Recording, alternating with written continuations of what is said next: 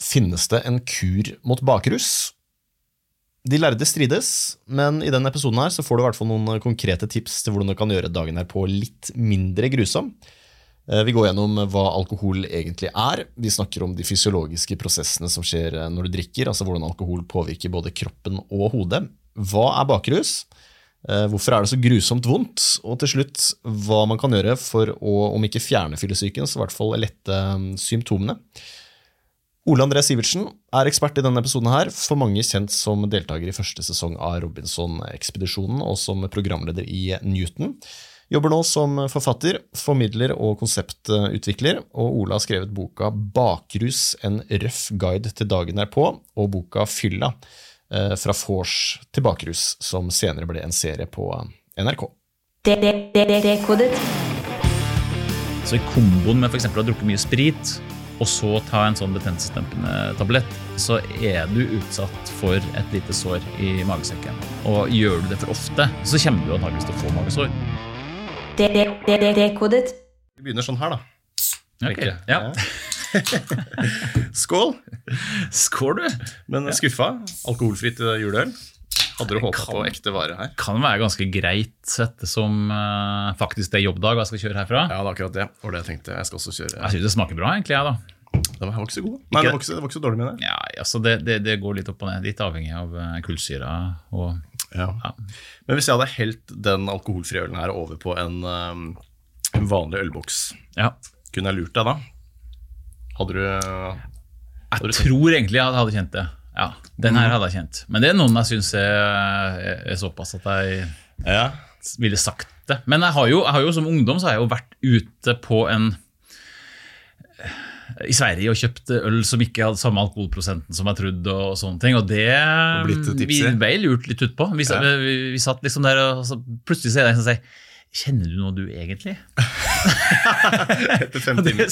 ja, ikke sant? Men var det ikke noen som gjorde et forsøk på det greiene der? Har ikke det gjort et sånt eksperiment på det? At uh, placeboeffekten er ganske sterk? da? Veldig. Ja. Eh, og det gjorde vi. Vi lagde jo eh, i TV-varianten av fylla, så, så testa vi jo Da brukte vi riktignok sprit, men altså det er sånn at det er veldig vanskelig hvis det er under 4 å detektere eh, om det er alkohol eller ikke. Så det vi gjorde at vi tok eh, sprit rundt kanten på glasset, så du kjenner spritlukta i nesa. Ja. Og så har vi sitrus oppi, og da er det nesten umulig å kjenne om en eh, Sprite-drink har alkohol eller ikke. Og det gir noen ganske fascinerende resultater, fordi at eh, det viser seg at veldig mye har med syke å gjøre. Og, og ønsket om at du skal ha ja, et slags alibi for å oppføre deg på en spesiell måte. da. Så eh, det her er et veldig kjent forsøk, og, og det slo ut i full blomst på de første tre-fire enhetene. Ja. Så, men, ja, ja, det gjør det, altså. Men så, så etter, etter ja, tre-fire enheter så vil de som er vant til å drikke, begynne å etterlyse Ja, litt okay. andre effekter på kroppen. da. Ja. Så det tar tre-fire enheter, og så begynner folk å skjønne at, Kjenner oi. på litt på toleransen, selvfølgelig. Ja. Men er det noen som plutselig begynner å sjangle og begynner å snøvle, og at uh, blir helt der? Så Altså, i, i, Tenker du i TV? Ja, I dette eksperimentet, da, som Ja, ja, ja. har drukket alkoholfritt. Eh, Det var det. Det var det, ja. Eh, var det. Eh, no, spesielt, nei, men det, det går fort på det som handler om det sosiale. Altså. At du plutselig har babla om ting som du ellers aldri ville gjort med folk du ikke kjente. Ikke sant? Plutselig så begynner du å snakke om å ja, det var derfor jeg snakka om hvem i Andeby jeg egentlig kunne tenkt meg å ha hatt sex med. Eller, altså, plutselig så har du sagt ting som du ikke ville ha diskutert med noen du aldri har møtt før. Og det skjedde i, vår, eh, i vårt program òg, da. Fascinerende. Ok, La oss, eh, la oss starte med hva er, eh, altså, hva er egentlig alkohol? Alkohol det er et, et produkt som skapes i gjærsopp når de forbrenner sukker. Og det skiller de ut da, som et avfallsstoff i det de måtte da omgi seg i. Enten det er en sats, eller i et øl, eller i en gjæra frukt, eller whatever. Og det her har pattedyr forholdt seg til, spist av, fått effekt av, egentlig så lenge moderne skal si, biologi har eksistert. Så, så det er jo en eh, helt klar sånn uh, virkning på alle pattedyr, ikke bare mennesker, eh, med at de sløver sanseapparatet når du får alkohol i det. Stilig. Så det er gjærsoppen som er opphavet til så mye moro? Helt vanlig bakegjær. Ja. Altså, det, det finnes alkohol i brøddeigen din òg, men den fordamper når du, når du eh, når du, når du steker brødet. Men Ja. altså, dette fikk eh, vår golden retriever da jeg var barn, eh, føle på kroppen. For eh, broren min smugla kanelbolledeig under bordet mens han baka. Aha. Så vår golden retriever-valp på eh, tre måneder fikk det som kalles for autobryggerisyndrom. At det gjæra i magesekken hans for at han har ikke nok magesyre til å bryte ned i hersoppen. Han gikk dritings. Han ble dritings! Og det varte i så mange dager. Eh, bakenden gikk jo forbi framenden. Han krasja inn i dører og ble, ble en liten ulv. Ula mot månen, og det var liksom ikke måte på. Og Vi trodde at han var bare helt godt helt i spader, så vi trodde han måtte avlives. Og Så kommer dyrlegen og måler 2,8 i promille. 2,8 i promille. Første fyll som tre måneders hund. Jeg mener at en bikkje ble hjerneskada for resten av livet. Men uh, ja, han kom seg, kom seg etterpå. kom seg. Fortsatte broren din med det etterpå? eller? Altså, Jeg tror han var så glad i bikkja at han sleit med traumene ganske lenge etter.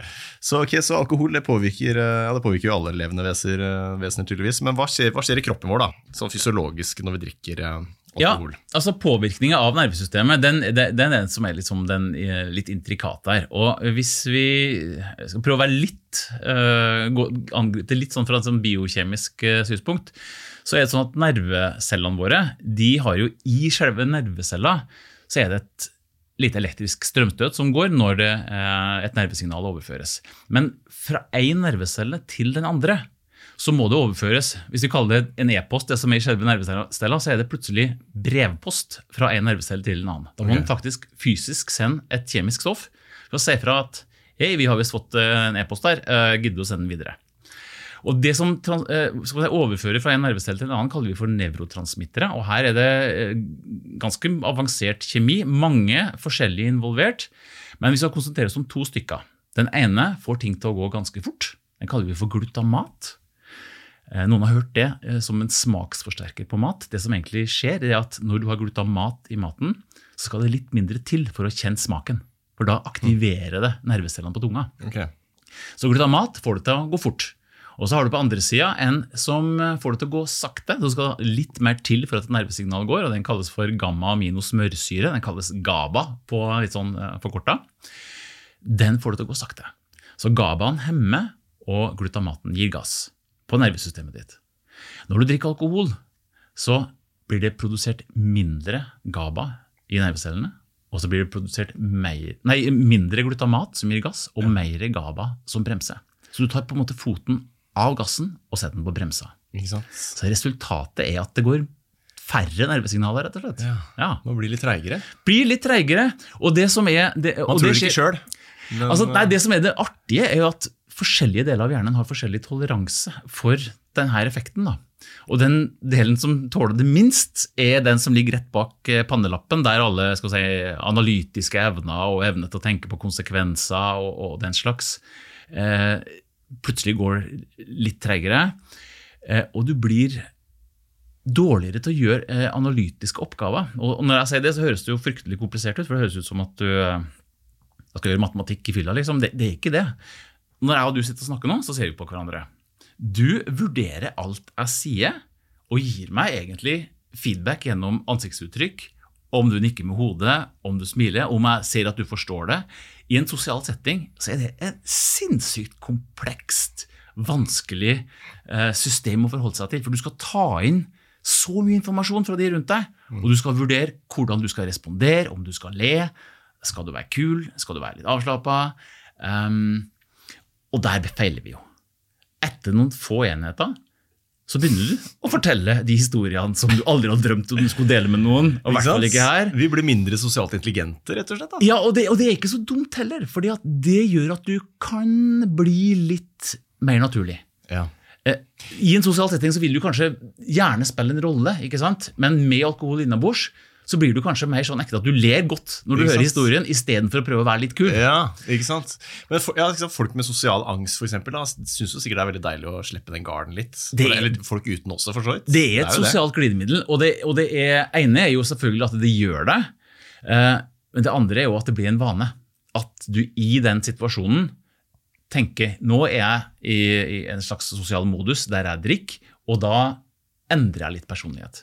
Det, her, det gjelder veldig mange som er vokst opp skal vi si, eller vært ungdommer og voksne med alkohol i de fleste sosiale settinger. Vi blir litt sånn biased av akkurat det at vi er vant til å endre oss litt når vi drikker. Eh, Dette så vi, testa vi òg i, eh, i et eh, forsøk på TV-serien, eh, Fylla. Der vi hadde inn altså Vi skulle sette folk i, som aldri hadde møtt hverandre før, eh, sammen. Så ser vi hvordan liksom, de prater, og, og om det er ekkelt. Og sånt. Da. Og i teselskap uten alkohol så blir det fort kleint. Mens med øl og, og, og sprit så tar det liksom én en enhet, så begynner vi å snakke om russetida. Eller vi finner noe felles liksom, som alle har vært igjennom. Men det som var litt spesielt, der, var det at eh, i det ene teselskapet, når vi arrangerte her på forsøket, så kom det en som var eh, rettroende muslim og ikke drakk. Og han var fantastisk sosial uten alkohol. Altså Han var så vant til å være i sosiale settinger og ta ordet, by på seg sjøl, være en sånn fyr som, som uh, kunne snakke om alt og med alle, okay. at det ødela hele forsøket. vet du. Ja, det gjorde det. Så heldigvis var det TV, da. Ja, så du kunne Så klippe kunne den bare ut. si 'sorry, Mac'. Det Ut var, ja. Ok, Så vi er lært opp til at vi trenger egentlig alkohol for å kunne slippe oss helt løs og, og slippe garden, liksom? Ja, det, det, det er et alibi for oss til å oppføre oss sånn som vi forventer okay, at vi skal være. her, okay. det, det er en alkoholkultur som er med og bidrar. Så det, er jo en virkning, men så er det samtidig en alkoholkultur. ja. da. Kan det være han muslimen hadde en person, en veldig utadvendt ekstrovert person? Selvfølgelig. selvfølgelig. Uh, vi kan si at i Bergen så er alle sånn. Ja. Ja, så det, det, det, Forsøket gjelder for hele verden utenom i Bergen. Der er alle folk sånn eh, Snakker høyt med store stemmer. Ja. Men eh, ja, ok, så det, er, det skjer ting i hjernen åpenbart, da. Ja da. Og glutamat. Så, så, så først og fremst er det jo denne skal si, eh, ja, pannelappen og de mer intelligente, konsekvenstenkende tankene som, som går litt skeis. Og så begynner vi å gå over på motorikken. da. Ja. Leppe, tunge, f.eks. Veldig ømfintlig. Ja, Så da kan du det- det høre det at du er påvirka. Når du begynner å snøvle. Ja, ja, du, Den kommer du, ofte fort på meg. Før jeg begynner å sjangle, så begynner jeg å snøvle. det gjør du definitivt. For, for sjanglinga, da går det på balansen, egentlig. Ja. Eh, eh, mens, eh, mens snøvlinga eh, også hvor mye luft du skal bruke fra lungene for å styre stemmebruken din. Du får veldig, ja, det er mange, mange effekter her, da, men det er jo, vi, ofte med høy musikk så begynner vi å snakke høyere, vi bruker mer volum.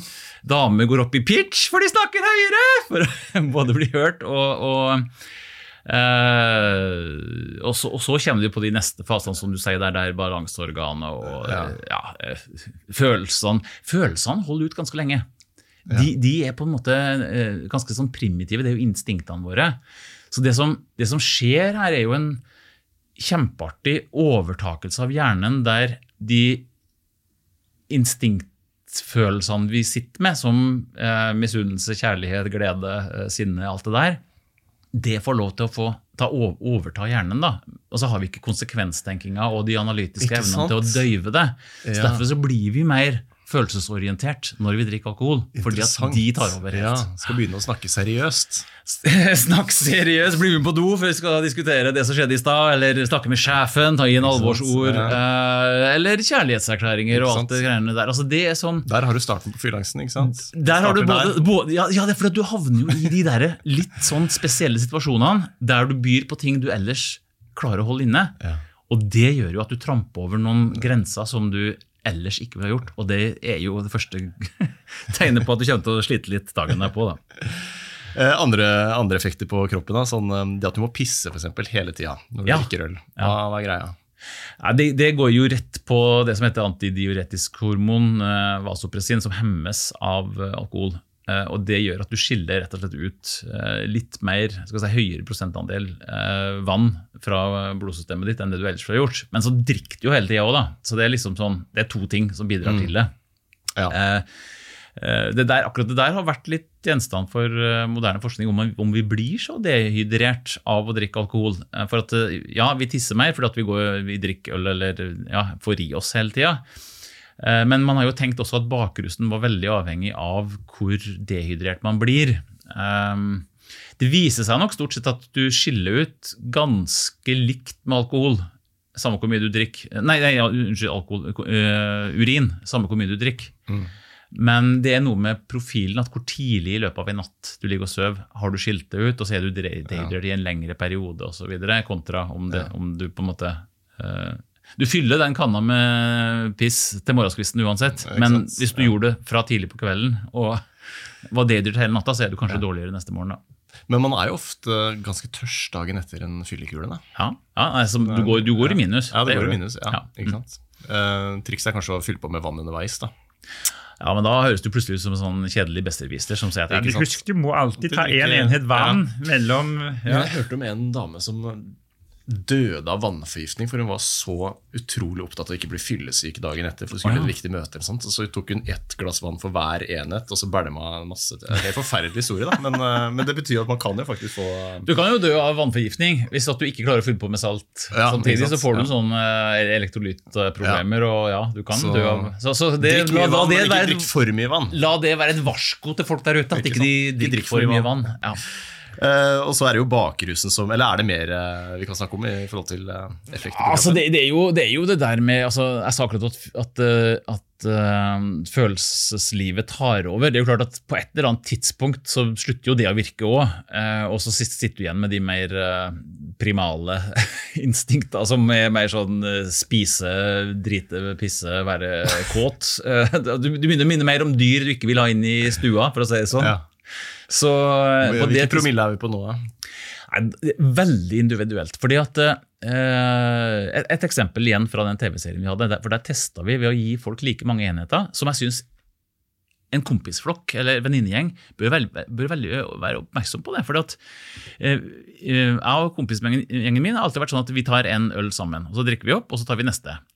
Og Det er jo veldig stor forskjell fra den letteste gjengen, som er 57 kilo, og de som er 100. For det er rett og slett, Hvis du, hvis du blander alkoholen i en stor kropp, så er det klart at promillen som sådan blir jo lavere eh, i den store kroppen. Eh, Fett løser ikke alkohol, men altså muskelmasse og mengde blod eh, det er med og, og, og må på en måte telle når du skal gjøre opp status for hvor høy promille du får. Så en svær boler kan drikke mer enn en Veldig mye mer enn en tynn spirrevipp. Absolutt. Men det som skjer, er jo det at for nettopp pga. at dette forholdet med å drikke én en enhet sammen hele tida er, så innarbeidet hos mange, så blir det jo sånn at eh, de som er minst i kroppsvekt, veldig ofte får en høyere toleranse for alkohol, nettopp fordi at de normalt sitter med en høyere promille enn de andre i kompisgjengen. Og det, det gjelder i hvert fall i min kompisgjeng. Det stemmer på en prikk, altså. Eh, som er litt trist, da, for da får du jo en del negative effekter av alkohol som vi andre ikke eh, trenger å forholde oss til på samme måte. Mm. Så ja. Veldig ofte små, små folk som blir veldig, veldig fulle. Veldig fulle. Men altså, en svær boler eh, Hvis du har en, eh, en veldig tjukk eh, fyr Mm. og en boliger som veier like mye, men har mer muskelmasse, Ja, så blir han boligeren tåler mer. altså. Han med høyere fettprosent vil ha høyere promille. Han vil ha høyere promille. Ja. Men du er inne på noe interessant der når du sier tåler mer. fordi at, Mener du da hvor berusa man blir? Altså to toleransen for Ja. alkohol? Mener du det er noe annet enn promille? Ja. En ja. viktig forskjell på beruselse og promille. Og, og, og, fordi at uh, her handler det egentlig om Ja, eh, eh, vi kan, vi kan ta det. Altså, jeg fortalte om glutamaten og, GABA. Altså, alkoholen hemmer produksjonen av det som gir gass, glutamat, og øker produksjonen av det som bedøver, GABA. Men kroppen har jo en evne til å motvirke eh, alkoholen. Så kroppen skrur jo da opp eh, mengden glutamat, som skal igjen gi gass. Så når, når du blir stoppa av en dørvakt og ikke får lov til å komme inn, så sier han gå deg en runde, så kan kanskje så kommer du deg litt. grann. Og det er litt sant. Det kan du bli. fordi at du, ikke, du får ikke lavere promille sannsynligvis på det kvarteret, men ved å ha på en måte vært en stund på samme alkoholnivå, så vil hjernen produsere mer av det som gir gass, og på en måte utligne alkoholens virkning. Aha. Så det er jo toleranse. Aha. Og jo oftere du er vant til å drikke alkohol, jo flinkere er hjernen til å gjøre akkurat dette her. Ja. Så, så hvis du har god toleranse, så kan du på en måte få at hjernen utligner alkoholens virkning ganske fort. Men hvis du da er sånn som den golden retrieveren som første gang fikk veldig høy promille, så ble jo han jævlig berusa, rett og slett. Fordi at han har jo aldri opplevd denne si, mangelen på likevekt før. Ja. Og hjernen hadde ikke noen slags tiltaksplan for å gi den litt sånn skjev. Da. sant? Ja. Men altså, den toleransen den forsvinner ganske fort, tror jeg. For jeg har drukket veldig lite siden i sommer. Ja. Tror jeg To ganger, kanskje. Og Ja. da, jeg, da kom den snurren ganske fort. Og ble veldig dårlig dagen etter også. Mer Klassi klassisk eksempel på er, er jo øh, damer som er gravide, og så ammer de en periode etterpå. Så, så det går fort to år, og så skal de på første fylle med venninnene. Ja. kona mi var på en sånn en. Eh, hun, hun og bestevenninnene de fikk eh, barn samtidig. Jeg vet ikke hvordan de fikk til det, jeg var ikke involvert i den planlegginga, men de gjorde det. Så når barna var ett år, så bestemte de seg for at de skulle til New York og ha sånn eh, Sex in the City, eh, ja, frozen margaritas og alle de greiene der. Og det ble en finurlig greie, for ingen hadde drukket på da nesten Nei, to år. Det var rett i fletta. Så det var, så det var Bacardi Breezers på hotellrommet. Og alle første kvelden begynte å grine. Eh, Da tror jeg det var for at de var så Å, ja. glade for at de hadde holdt sammen som venninner. Og det var sånn Rett i følelsesmodus. ja, rett i følelsesfella. ikke sant? Og på dag to så var det akkurat det samme, eh, bare motsatt. Da ble de uvenner. Ja. Ja, For da var det alltid 'dere to alltid sånn mot meg', og det, det, ikke sant? Altså, og dag tre så savna de mann og barn så voldsomt at de kom seg ikke ut da heller. Nei, ikke sant. Ja. Dette det- har jeg trodd, i hvert fall. Helt til jeg holdt foredraget for Bodø næringsforum for mange år siden. Da var det en gammel cal som reiste seg opp bakerst i salen, så ropte han 'Og det her tror du på!' For det, for det her er jo bare noe jeg har fått vite av kona. Men, men det sier jo noe om på en måte eh, toleransen. Eh, Første gang på lenge, som du sier. eh, Du blir nullstilt. ja. men der, der er vi jo inne på Nå babler jeg bare hele tida. Vei. Men, men altså, det, er sånn, det er jo sånn at um, dette er en av grunnene til at det er dumt å starte å drikke alkohol i for ung alder. For at da er hjernen veldig sånn øh, plastisk. altså Den er i- er i stand til å, å utvikle en slik toleranse på en mye bedre Ja. måte enn når du begynner å drikke alkohol litt senere. Så, så du blir litt mer disponert egentlig for å ha høy toleranse for alkohol, eh, ved, og, og, og, dermed eh, ja, gjerne lett drikke, drikke mer eh, hvis du drikker alkohol i ung alder. Kan det ha noen negative nevrologiske effekter å starte å drikke for, i for ung alder? Ja, altså det, er jo, det er jo både denne, men den toleranseeffekten, men saken er jo også Den er skadelig på noen måte, tenker. Den er jo skadelig, og så er det jo gjerne sånn at du flytter litt på den balansen mellom glutamat og GABA i hjernen. Ja. Sånn at um, dette, dette er jo det som på en måte etter hvert kan føre til en alkoholavhengighet. At du føler altså Si at du har en litt over Hjernen har kompensert for alkohol, så når du er edru, så, så har du litt mer glutamat enn du egentlig skal ha. Det betyr at du er litt mer si, følsom, eh, hjernen går litt på høygir, og du føler behov for å komme deg litt ned. Og da er jo det å drikke igjen det du kan ty til. ikke sant? Så, så det er jo alkoholikerfølelsen. Altså Det er rett og slett en abstinensreaksjon fordi at hjernen overproduserer Mm. eh, glutamaten for å motvirke alkoholen, og den gjør det permanent. Og du trenger alkohol for å komme ned på det Ja. som du selv føler burde være normalen. Eh, så, så det er jo um, Og det er jo også dagen derpå-reaksjonen, egentlig. Okay. Men, men, men jeg snakka meg litt bort i stad, for du sa noe om det der med beruselse versus promille. Eh, hvis du har sett amerikanske filmer, eller, eller til og med kjørt eh, i fylla i USA, som for øvrig har 0,8 som alkoholgrense for eh, bilkjøring, da kan du være relativt på en snurr, for å si det sånn. Yes. Men det, det eh, politimannen vil gjøre der, han, er, han gir deg ikke en alkoholmåler med en gang, men han ber deg balansere på eh, vei, veistripa. veistripa og vise at du har balansen. Telle baklengs fra 20 og ned. Gjør noen sånne vurderinger om hvor berusa du er. Ja. Og hvis det viser seg at du da er berusa, eh, så vil den dra fram alkoholmåleren og se om du er innafor eller utafor. Men altså, det fins egne vurderinger som en lege kan gjøre for å vurdere hvor berusa du er, versus hvor eh, ja. høy promille du har. Men Men, i- men, i Norge har vi valgt å bare legge det der så lavt Ja. at eh, har du alkohol i kroppen, så er du Ja, er per definisjon skyldig, Liksom. liksom. Ikke sant? Ja.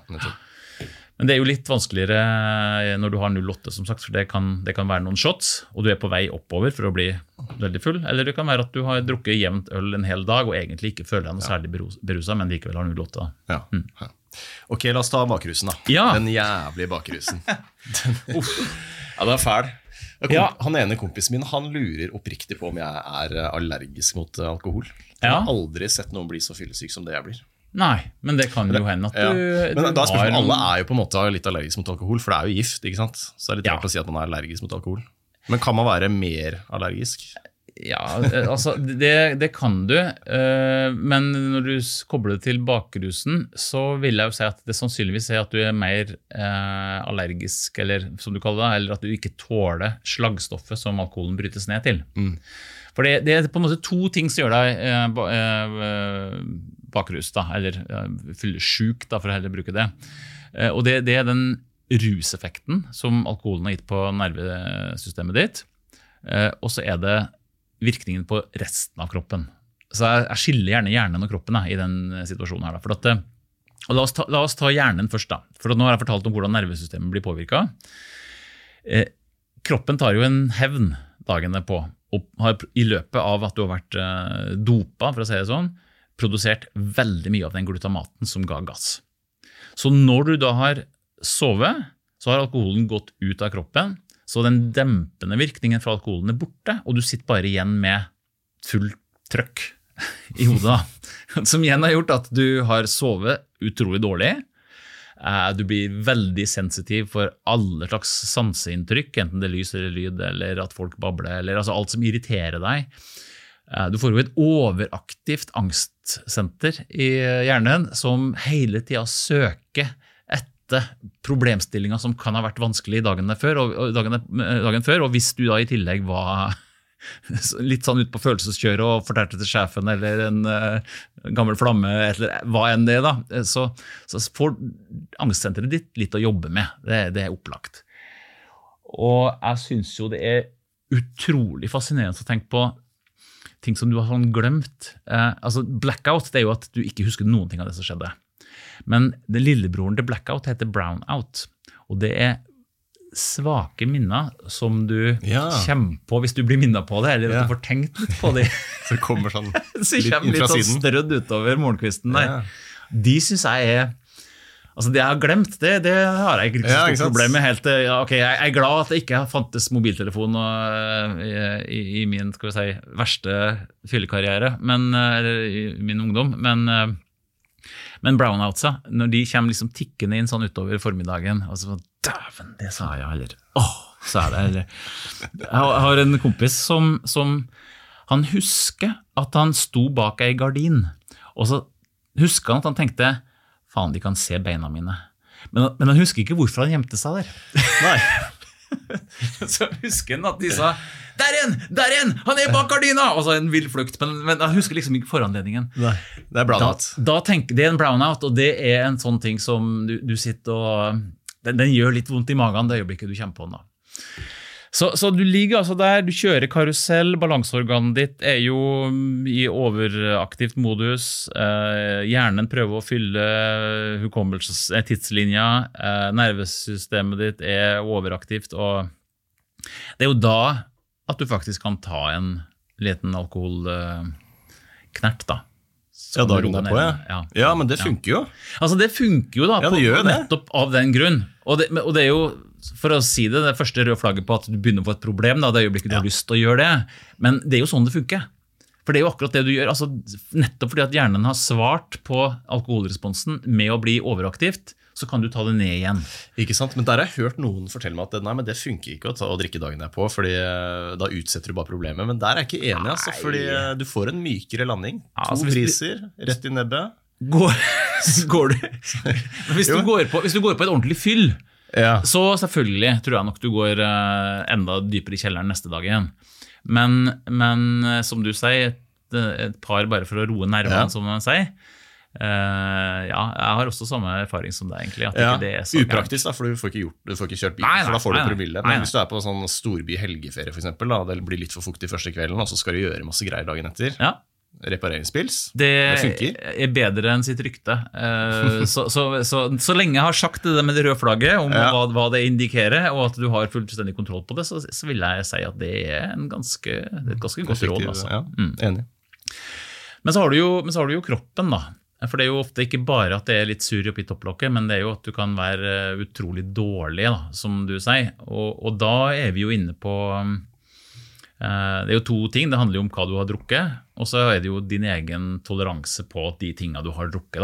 Og, og sånn som i ditt tilfelle, hvis du blir veldig dårlig, så kan det være at du um, ikke bryter ned slaggeproduktet fra alkohol, som heter acetaldehyd.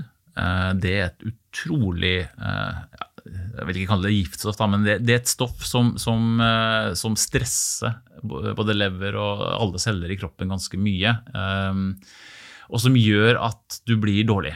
I enkelte deler av verden, Asia spesielt, så har man dårlig nedbryting av acetaldehyd som gjør at de får nesten en slags allergilignende reaksjon. Det kalles for Asian flushing. De blir helt røde i ansiktet og føler seg uvel, kvalme og vondt i hodet og alt sammen på en gang. Kanskje jeg har noen asiatiske gener, altså?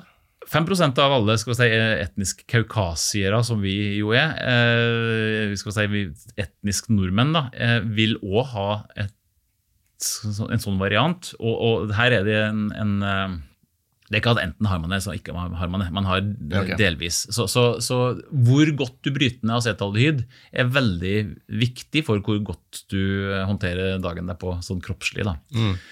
Eh, akkurat den følelsen her er jo det, er jo det antabus som man bruker mot eh, alkohol. Hvis folk har problemer med å slutte å drikke alkohol, så de, eh, kan man få antabus. Det var mer vanlig før, men man gjør det, kan få det fortsatt. Og det hemmer nedbryting av akkurat dette stoffet, så det hoper seg opp. Ja. Akkurat sånn som Asian flushing. Ikke sant? Ja. Veldig interessant. Så det jeg, jeg, har aldri vært i nærheten av å ha noe alkoholproblem i det hele tatt. Nei. Så det kan jo handle om at jeg blir så inn i helvetes fyllesyk. da. Det, det, Ja. er ikke, det er ikke Du føler rett og slett aversjon mot å drikke for mye, rett og slett fordi at du vet du blir så dårlig og kvalm. Men blir du dårlig mens du drikker også? Nei, det blir jeg sjelden til. Nei, nei. Det er dagen etterpå som er et uh, Ja. forferdelig. Nei, for de, de som har det ordentlig, skal vi si, den genvarianten, vil jo også føle at det hoper seg opp mens de er eh, under påvirkning av alkohol. Mens eh, hvis du bare okay. For, på en måte har litt saktere nedbryting, så vil det være at du har hatt så høy konsentrasjon i løpet av fylla at du på en måte har hatt en høyere, høyere stressfaktor på kroppen mens du hadde. det. Mm. Så, så ja, Men altså alt det- Og og noen eh, deler av verden, eller noen etnisiteter, har jo en fantastisk effektiv nedbryting av acetaldehyd. Og dermed så kan de oppleve det å være mer tolerant for alkohol, og igjen være lettere for å utvikle alkoholisme. Så det er liksom sånn Ja? Dette her er en ganske eh, Vi er ikke like, rett og slett. Nei, vi er ikke det. Det er jo fint, men eh? De der folka som drar på skitur dagen etter en fyllekule og sånn, hvem er de? Jeg kjenner en sånn. jeg tror bare de har faka. Jeg tror de har drukket juleøl. De. Ja. Nei, men det, folk, folk er veldig forskjellige, altså. Jeg må, må si det. Har alltid fascinert meg. Men så er det jo dagsform og sånne ting òg. hvor mye energi Det, har er, ja, hvor det har mye, mye å si, faktisk. Eh, Så Noen ganger så kan du være mye bedre i stand til å bryte ned. Og så har du selvfølgelig noe hva du drakk, da. Eh, For vi blander jo alkohol med ting. Eh, Du kan få det som brunt brennevin, du kan få det som eh, ren sprit. Det er jo det, det som heter skinny bitch, som jo det som de i modellmiljøet har utvikla. Det er jo da ingen kalorier, bare Farris og vodka. Det virker jo som et helvete, eh, og det, og det har ingen kalorier ellers, så, så du blir veldig ofte ganske frisk dagen derpå da, hvis du bare har drukket vodka. Men akkurat det med å ha blanda det med Farrisen, da har de gjort en liten bom likevel. Fordi at hvor dårlig du blir dagen derpå, har òg noe med hvor raskt promillen din steig. Altså promillestigningen din er veldig rask. Da utvikler du også høyere mengde acetaldehyd. Så å blande det i Farris, eller bobla, Mm. det gjør at du får det rett ned i tarmsystemet der alkoholen tas opp. For boblene åpner passasjen mellom magesekk og tarm. Det gjør f.eks. at du når du på tom mage tas imot i en, et selskap og blir gitt eh, bobla med 12 så er du på en måte, da er du klar for å få opp stemninga kjapt. For det, da har du ingen næring i kroppen, og det er 12 rett til harmen. Eh, folk kan tenke at nå i dag skal jeg være lur, jeg skal bare drikke en enhet eh, Farris sammen med rødvinen min. Eh, de får jo samme effekten. De får champagneeffekten ved å blande Farris og rødvin. 12 rett i tarmen. Som jo er mye sterkere da enn å drikke bare øl, som er 4,7, men med bobla. Ha. Og der har du også den der øl pluss vin, hvis du skulle inn på, på Ja, eh, øl og vin er fin. Vin ja, er krøll. vi, vi testa faktisk det. Dette har jeg ikke sett noe ordentlig forskning på, egentlig, men vi testa det i fylla. Og vi fikk den responsen, rett og slett, at hvis du starter med øl og går over til vin, så er øl pluss vin er fin.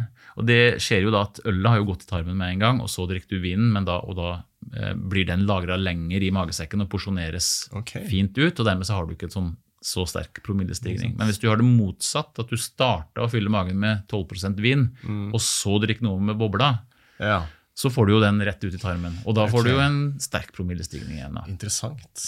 Så dette er jo morsomt for sånne, sånne eh, tanter på, i bryllup som drikker litt mye vin, så tenker de nå skal jeg gå over og ikke drikke så mye. så tar de noen glass med Farris, og så er det champagneeffekten. Det blir fulleste tanta i det bryllupet. Ja. Så, og, og julebord. Og Akevitt. julebord. Akevitt, og jeg, skal, jeg skal bare drikke Munkholm, men jeg tar akevitten. Ja, jo ikke da, ikke sant? Da er det kebab på slipset på vei hjem. Uh, Ikke sant? Fader, her må man, her må, man eh, lese opp, skal man gjøre det riktig. altså. Shit. Men eh, en ting vi ikke har snakka om ennå, er jo søvn. da. Og Der er vi var litt innpå det, kanskje, men det, altså, hvor fyllesyk altså man, man sover jo åpenbart dårligere når man har drukket. Mm. Uh, men er det litt underkommunisert hvor dårlig man faktisk sover? Eller kanskje blitt mer snakk om det siste året? Ja, jeg tror det. Fordi at uh, Jeg kan nesten føle meg litt fyllesyk hvis jeg sovner på sofaen og ikke fått sove videre. Eh, Det øyeblikket jeg våkner igjen, så er det nesten en sånn fyllesjuk light-følelse i magen og kroppen. eh, eh, Som jeg tror handler om Det handler jo noe om hvor du er i søvnfase og sånne ting. Men fyll går jo ofte på bekostning av sovetid. Du kommer deg sent i seng, og, og i tillegg så har du jo da en, utover natta så har du jo også en, en så aktiv hjerne at du har egentlig ikke hatt noe særlig god dyp søvn, som er den delen av søvnen som du trenger for å bli uthvilt til neste dag.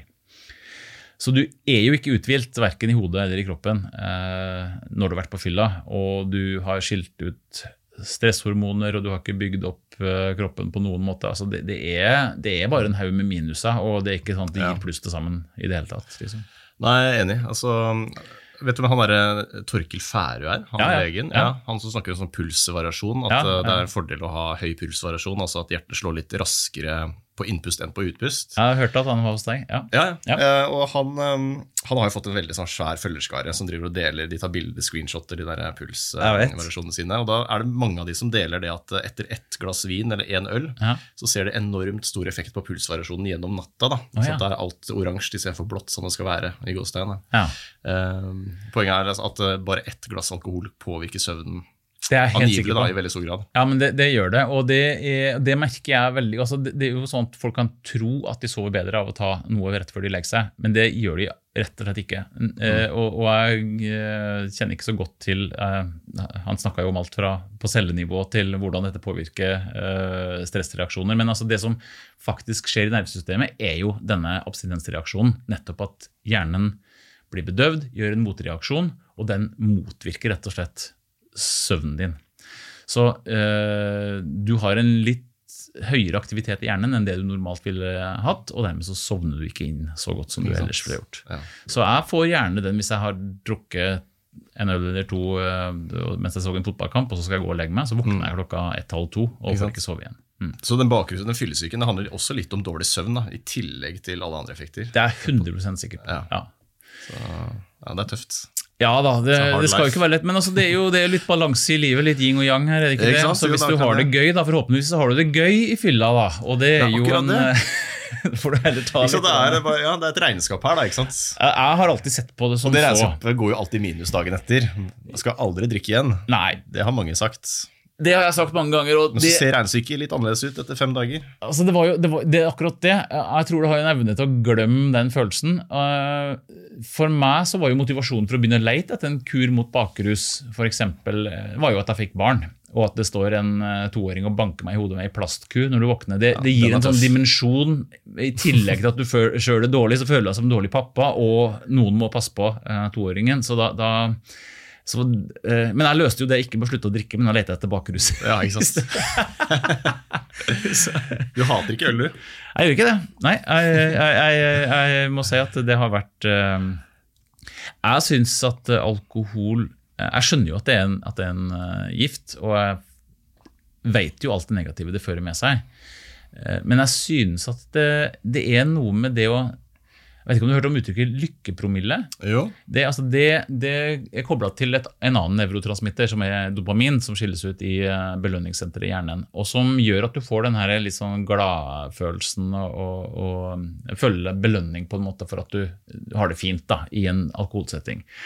Og den sier man slutte. Du, du får ikke noe mer dopamin etter tre til fire enheter, tror jeg. Ok. Og så sier jeg at ja, men jeg, jeg syns jo egentlig ikke at Jeg syns jo det er gøy også på seks til åtte. Um, så hva er det for noe da? Og da tror jeg at vi må akseptere at dette handler ikke bare om kjemi i hjernen, men det handler noe om den sosiale settingen og det å knytte bånd til folk. og at det, det er en så sterk del av vår kultur. Og jeg, jeg prøver ikke å å, å gjøre dette til en gladsak av å drikke alkohol, for man gjør fryktelig mye dumt. Men det, det er noe i det også som er fint. Og det synes jeg, det var en av grunnene til at jeg også hadde lyst til å, bortsett fra at jeg skulle finne en kur mot bakrus, så syns jeg det er viktig å formidle det til unge, til folk, og at du Mm. havner jo ikke Altså avstanden mellom det du lærer på skolen, da, som Ja. omtrent ser ut som du skal bli alkoholiker hvis du prøver å drikke, drikke på fest, eh, da, da blir du omtrent eh, Ja, du kommer til å bo under ei bru når du blir 40, er liksom eh, moralen. Sånn er det jo ikke. Folk opplever jo tvert imot, når de prøver det som unge, at de eh, senker barrierene for å komme i kontakt med folk. Kanskje har de sitt første kyss i fylla. altså alt, At det er gøy. Mm. Og min eh, venn og nemesis eh, Christer Falk sa at jeg har vært på så mange sånne antialkoholforedrag for skoleungdom som sier ja, vi skjønner at det er farlig, Christer, men det er jo så gøy. Ikke sant? Hva skal du svare da? Og da tenker jeg, da må du forklare hvorfor det er gøy, Ja. og så må du forklare likevel hva er det som er ulempene. Hvis ikke så når du ikke fram. Det er Hvis ikke du er ærlig på det. Jeg er så 100% enig med det du sier der, for det er litt underkommunisert. Det, der hvor, eh, altså, altså, det har masse positive effekter for oss. Da. Det er mange som forbinder alkohol med glede og moro og livskvalitet, rett og slett. Da. Det er jo en grunn til at det har blitt en del av festkultur og, og høytid. Eh, så, så, men, men man må jo da være klar over at det eh, Ja, ikke sant? over. At Det har negative konsekvenser også. Familier som går til grunne og mye faenskap, liksom. Ja, bare det å gå inn i jula, så er eh, det jo veldig mange barn som syns at det er ubehagelig når voksne blir fulle uten at de tør å si det, for de virker Mm. jo så glade. Men likevel så syns de at det er ubehagelig fordi at de voksne blir litt mer uh, ukontrollerte. De gjør ting som de kanskje liksom. ja, De oppfører seg annerledes, rett og slett, som gjør at uh, forutsigbarheten er ikke akkurat sånn som barn ønsker seg. Og Det skal vi være veldig oppmerksom på. Og, Ja. og Jeg er absolutt ikke noen forkjemper mot alkohol i alle sosiale lag.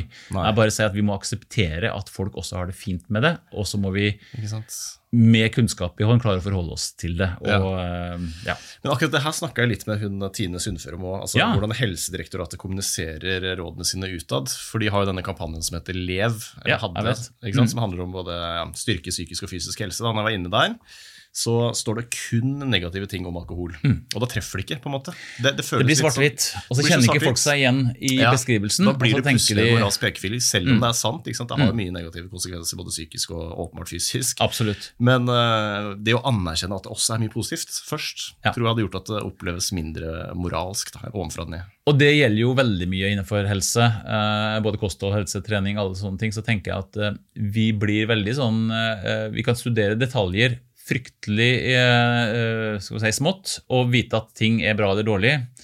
Men sånn som med alkohol, da, så er jo på en måte Hvis du skal diskutere dagen derpå og diskutere de små nyansene som gjør at du blir litt dårligere eller litt bedre, så må du bare forstå at ok, den atombomba du slapp i magen din med å svelge i deg et giftstoff som ødelegger lakken på bilen din hvis du tømmer det på der isteden. Det er liksom det store bildet du må ta inn over deg, og det er ikke nyansene, de små detaljene som egentlig har så mye å si. Eh, Så fokuser på det store, eh, og og ikke ha så høye skuldre for alle detaljene. Det, det tipper jeg Sundfør også sa i detalj, uten at jeg hørte hennes intervju her, men eh, Ja, ja, var jeg er veldig forkjemper for det. Mm. Ok, da, Vi vet hvert hvordan eh, Nå vet vi litt hvordan, eh, Dette virker, ja. hvordan dette virker da, fysiologisk. Ja. Eh, Fins det en kur? Ja, det gjør jo det.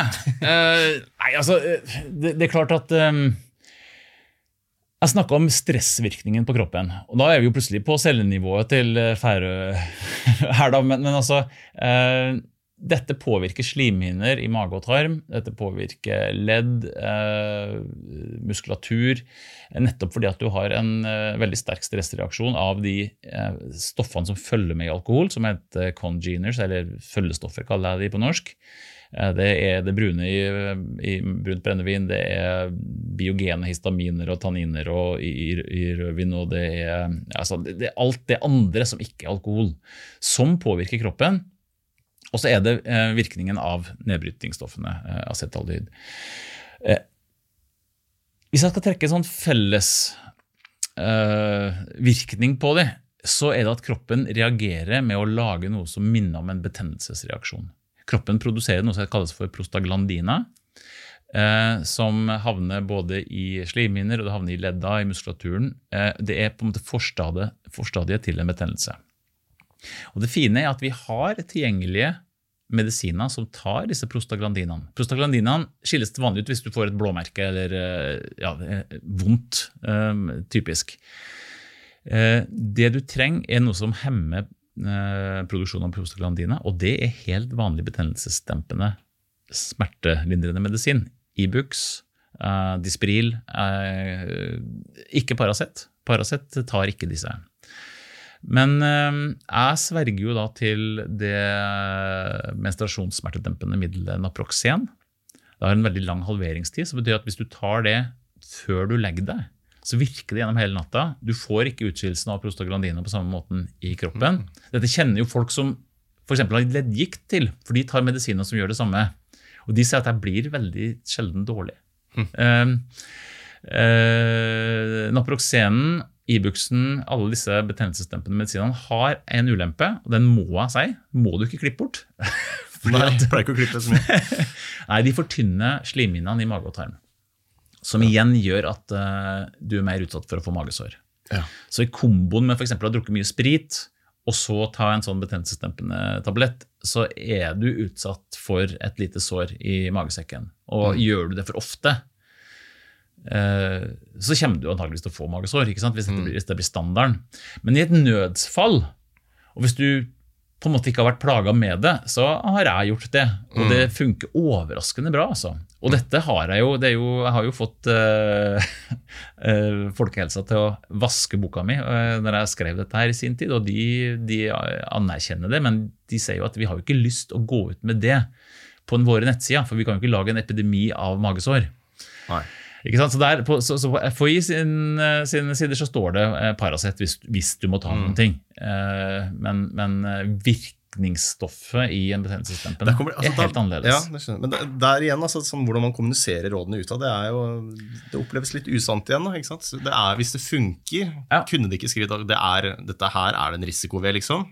Eh, Det kan du, gjør men- det i nødstilfelle. Ja, Kunne men klarer folk det? Jeg, jeg, jeg er usikker, jeg vet ikke heller, men jeg er enig med deg. Altså, jeg, jeg føler at eh, når vi er opplyste om ting på en ordentlig måte, så kan vi bruke det med fornuft. Ikke sant? Eh, Men det er klart at hvis, hvis russen får høre at eh, Ikke at det kan være skummelt, men at hvis du bare peiser i deg nok Ja. uh, Naproxen, så blir du bra, så, så er det jo ja, det er jo eh, noe med det, da. ja. Men det er, aff, ja, jeg synes det, er, De utelater vesentlig eller, informasjon da, fordi de er redd for at noen skal eh, Ja. feiltolke det. Eller, Men det, det står ikke engang på pakningsvedlegget til Naproxen. Altså, så, så, så, og, og mange jenter tar jo det eh, kontinuerlig for menstruasjonssmerter. Så det er, jo, Mm. det er jo ikke det at ikke det er eh, prøvd, men jeg vil nå ha sagt det. ja. Ja. ja, men det er fint å ha sagt det.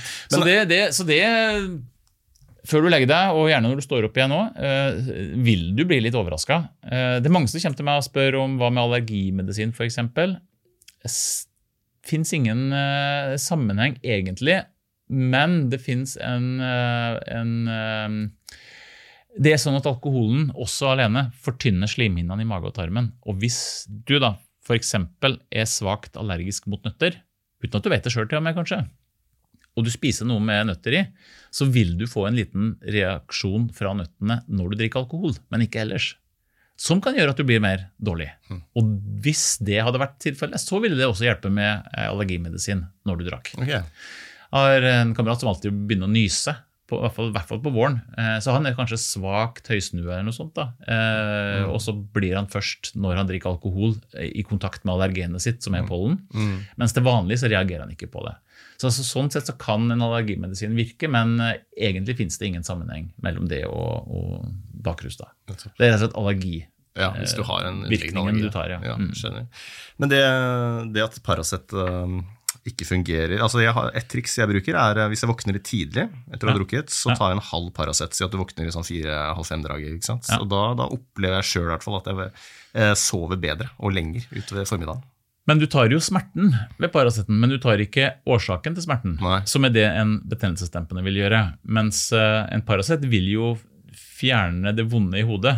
Eh, så, så der er forskjellen på en måte i okay, de to ja. virkningene. Ja. Ja. Det er en anekdote, jeg vet ikke om det er forskning bak det, men uh, det funker for meg. Nei, ja, Det funker for deg, og eh, i så fall så kan du jo ta en av hver. Ja, ikke sant? Det skal jeg prøve neste gang. Nei, men Gøy. Eh, Er det andre ting? Uh, aktivt kull står det her plutselig i boka. Ja, Det er jo for oss som er fra Trøndelag, som var vant til at aktivt kull kunne løse alt mellom himmel og jord. Eh, fra rens brennevinet til eh, Så det er sånn uh, eh, Ja.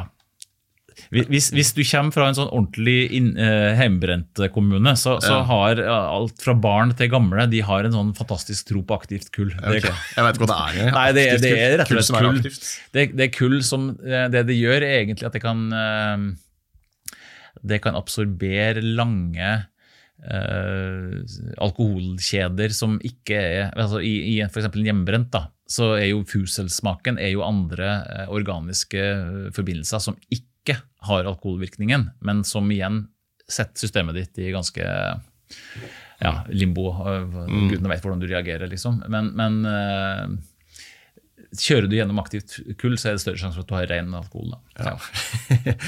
Eh, kaffe, ja. at det skal være reparerende, det er jeg ikke enig i. Nei, jeg har aldri syntes at kaffe er noe særlig. Det må jo i så fall være hvis du er fryktelig trøtt. Uh, uh, og så er det litt sånn uh, konstringerende. Det heter at de trekker sammen blodårene litt, så du ikke blir så rød på øynene. Men jeg vil si at det er kun sånn kosmetiske ting en kaffe kan gjøre det. Jeg vil jo, for meg så ville mitt hode gå mer rundt hvis jeg drakk kaffe, og Ja. bli mer våken enn det jeg skulle være. Um, vi har jo, vi har jo um, det, det er jo en virkning på kaffe med koffeinen som gjør at hvis du er trøtt, så vil ikke hodet kjenne så godt at du er trøtt. Du er fortsatt like trøtt, men du bare oppdager det ikke. Så kaffe er i så fall kun kamuflerende, vil jeg si. Og egentlig, jeg, jeg blir bare uvel i magen av å drikke Ja, kaffe. ja, altså. Med såre slimhinner i magesekken og tarmen, så er kaffe det er svært beste, ja. eh, kvalmende. Mm. Og det eneste gangene jeg ikke har lyst på kaffe, det er jo etter, etter jeg har drukket. Ja. Så, Jeg har faktisk det samme med, med juice og alle sånne ting som er, føles litt sterk i magen. Det er med på å skape en ganske ubehagelig følelse. Men det er jo man får jo veldig lyst på eh, hamburger eller kebab og sånne ting, og det handler jo mer om at eh, det handler jo om at levra har brukt eh, egentlig veldig stor kapasitet på å bryte ned alkoholen, og har dermed ikke klart å vedlikeholde eh, blodsukkernivået i kroppen. Så hva som helst du spiser, vil være med på å få opp eh, blodsukkeret igjen. mm, Enten det er brødskive med banan, eller om det er en eh, vanlig middag, eller uh, XL1 eh, Ja. rett i koppen. Jeg vet ikke, så hva, hva, de, uh, de synger på Namsos, men, Ja. eh, men, men eh, kebab er jo godt. Salt og godt, og deilig og Ja. fyller magen. Og, så det, jo, det, jo, det funker for meg. Men det med sportsdrikka, er det noe i det? Eh, disse elektrolyttene i eh, Vi snakker om at man mister så mye salt, ikke sant? skal drukke deg ganske godt ned. Okay. Du, du bor snart under den brua, så hvis du Ja. er på at du mangler elektro, eh, eh, Kanskje hvis du har vært på en slags en turné, da, eller en sånn uh, festivalhelg, eller eh, Roskilde og sånne ting. Mange dagers fyll. At det er noe i det å få i seg noe sportsdrikk bare for å ha litt slags eh, ja, salt og sukker i kroppen. Altså. Men, Ja. men så, du er ganske nedkjørt hvis du trenger sportsdrikk. Altså. ja. Så det er ikke noe vits å kjøpe den der Powerade med ekstra elektrolytter for å Nei, Det er bare Jeg er litt på psyken, da. i så fall. Um, Allergitabletter har vi tatt. Eh, ja, vitaminer, den hørtes uh, Jeg tror du er litt i samme land på Ja. vitaminer òg, altså. Uh, uh, Så jeg, jeg tror nok at du i så fall De fleste sånne som å komme seg ut på løpetur eller ta badstue og bare bli mer dehydrert. og alt, alt sånt der. Altså, jeg tenker, her, Du må forstå det som så at det er immunforsvaret ditt som er aktivert. Det har satt kroppen i en slags alarmberedskap. Eh, Det er fint å være i ro og ikke overanstrenge seg og bare la kroppen mm. fikse det. Eh, Når det gjelder eh, ja, så Sett deg og se på HBO, og, og må du, så kan du ta en, eh, en repareringsøl. Men det fine er jo at det går over. Men her er et Ja. bra tips. Ja. Å holde seg ung. Holde seg ung, ja. Det er sant. Eh, Du Fordi- blir litt dårligere i stand til å For, for det første så går toleransen din ned når du drikker sjeldnere. I hvert fall så har jeg gjort det når jeg ble eldre. Eh, og så er det jo noe med fettprosenten din, som vi snakka om litt tidligere. At du, større andel av kroppen er fett, som gjør at du sannsynligvis får litt høyere promille. Ja. Og så er rett og slett evnen til å tåle altså, Jeg vet ikke når jeg var student, jeg kunne gå på en forelesning, og jeg ja. sleit meg gjennom det. Jeg hadde jo gitt blanke i dag, altså. Russetid også. Ukevis Ja, ja, på rad, liksom. Det gikk jo fint. Ja, men det handla nok om toleranse og hvor ofte vi var på fest også. Eh, så, så det er nok viktig. Men eh, sånn som nå, i en, hvis, hvis jeg har vært på et julebord og på en måte ting har blitt litt annerledes enn jeg tenkte, så, så er jeg ganske ødelagt. Ikke sant? Eh, Men man, syv, eh, man, syv, man sover også dypere i tidlig 20-årene eh, kontra i 30-årene. Det kan være en, en årsak også. Altså. Så jeg, opplever i hvert fall at jeg, har vært, jeg blir dårligere som gammel. Eh, Ja, Det jeg ja det er det jeg helt enig i. Um, Men hvor var jeg på vei? Jo, altså det, er jo, det, er jo, det er jo en del ting sånn, skal si, utenomvitenskapelige ting du kan gjøre. da, Hvis du føler at du oppførte deg fryktelig dårlig dagen derpå, så, så kan du jo Du må holde deg unna telefonen din. Det er jo en psykisk eh, Psykisk knekk å se alle meldingene som kommer inn her. Fra sjefen. Ja, altså fra sjefen eller kompiser eller venninner eller hva enn. Altså. Så, så det er jo sånn jeg, jeg, jeg pleier å si sånn jeg, når jeg avslutter et eh, foredrag om dette, her, så sier jeg at eh, husk at du kan reise bort. Og jo dummere du har vært, jo lenger bør du reise. det går an å ikke komme hjem. Det er fint tips der. Og så har du selvfølgelig bekjennelsen eh, med å ringe rundt og beklage til alle sammen. Det er, jo, det er jo fint, men problemet er jo at du kan jo komme til å beklage noe som ingen andre visste hva du som gjorde eller sa. Ikke sant? Så det er like bedre å ringe rundt og anklage alle andre for å ha gjort dumme Ja. ting. Eh, liksom, Litt liksom, sånn motsatt. ja, vær litt sånn, eh, den, den som ringer rundt og Faen, du var en jævla Kierkegaard, liksom. Kanskje du skal si sorry? Den er fin, den. Og snupere. Så kirka er jo programforplikta til å tilgi, så da kan du, du heldig så kan du få en klunk rødvin også, så da har du på en måte dekka den. Ja. Så det jo, men det er jo dette her med å gå på en ny fest, da, som du? Blir sittende igjen med Utsette problemet. Helt til du har glemt alt, og så er det greit. ja? Kanskje det er det som er løsningen. Ja, men, altså, nå har jeg lært uh, mye, altså. Uh, beste kuren mot bakrus. De der øh, smertestillende du snakka om. Ja, Ibux, Naproxen, ja. Ikke? Bare ikke så mye at du får magesår. Øh, og øh, ja, repareringspils, rett og slett. Når du er jul og du har fri, kos deg, vil jeg si. Jeg, ikke ta Naproxen hver dag. Da, da, da vil jeg anbefale heller å holde eh, alkoholbruken på et eh, ganske lavt nivå. I hvert fall hvis du er sammen med familie og unger. Eh, men eh, det må være lov å, å, å ha det fint med det man selv liker å gjøre i jula. Så lenge ikke du plager andre. Bra. Kardemommeloven. Det var det. Eh, du har skrevet en annen bok også. Kort, øh, kort om den. Ja, nylig så har jeg gitt ut eh, boka 'Bruksanvisning for tenåringskroppen'. Den er jo, Det står jo om alkohol, den også. eh, For eh, tenåringer og alkohol er jo noe som jeg ikke syns er egentlig kompatibelt. Det gjør jo Det gjør, påvirker hjernen og gjør hjernen i stand til å håndtere på måte, alkohol på en måte som egentlig ikke vi ønsker. Så, så utstrakt alkoholbruk det bør man vente så lenge man eh, Ja. klarer med å komme i gang med. Men Bør man- altså, Bør man vente til 20-årene, liksom? Egentlig? Jeg, jeg vil ikke uh, si det, egentlig. Altså. Vi har, men, men følg lover og regler, syns jeg er et fint, uh, fint, Mm. fin anbefaling. Og Det gjelder enten det er energidrikk det gjelder, altså, Boka for ten, uh, Bruksanvisning for tenåringskroppen handler om trening, kosthold, søvn. hvordan kroppen virker i, utviklingen av en voksen kropp. Eh, jeg vil jo si at den burde ligge under juletreet til alle tenåringer eh, i jula.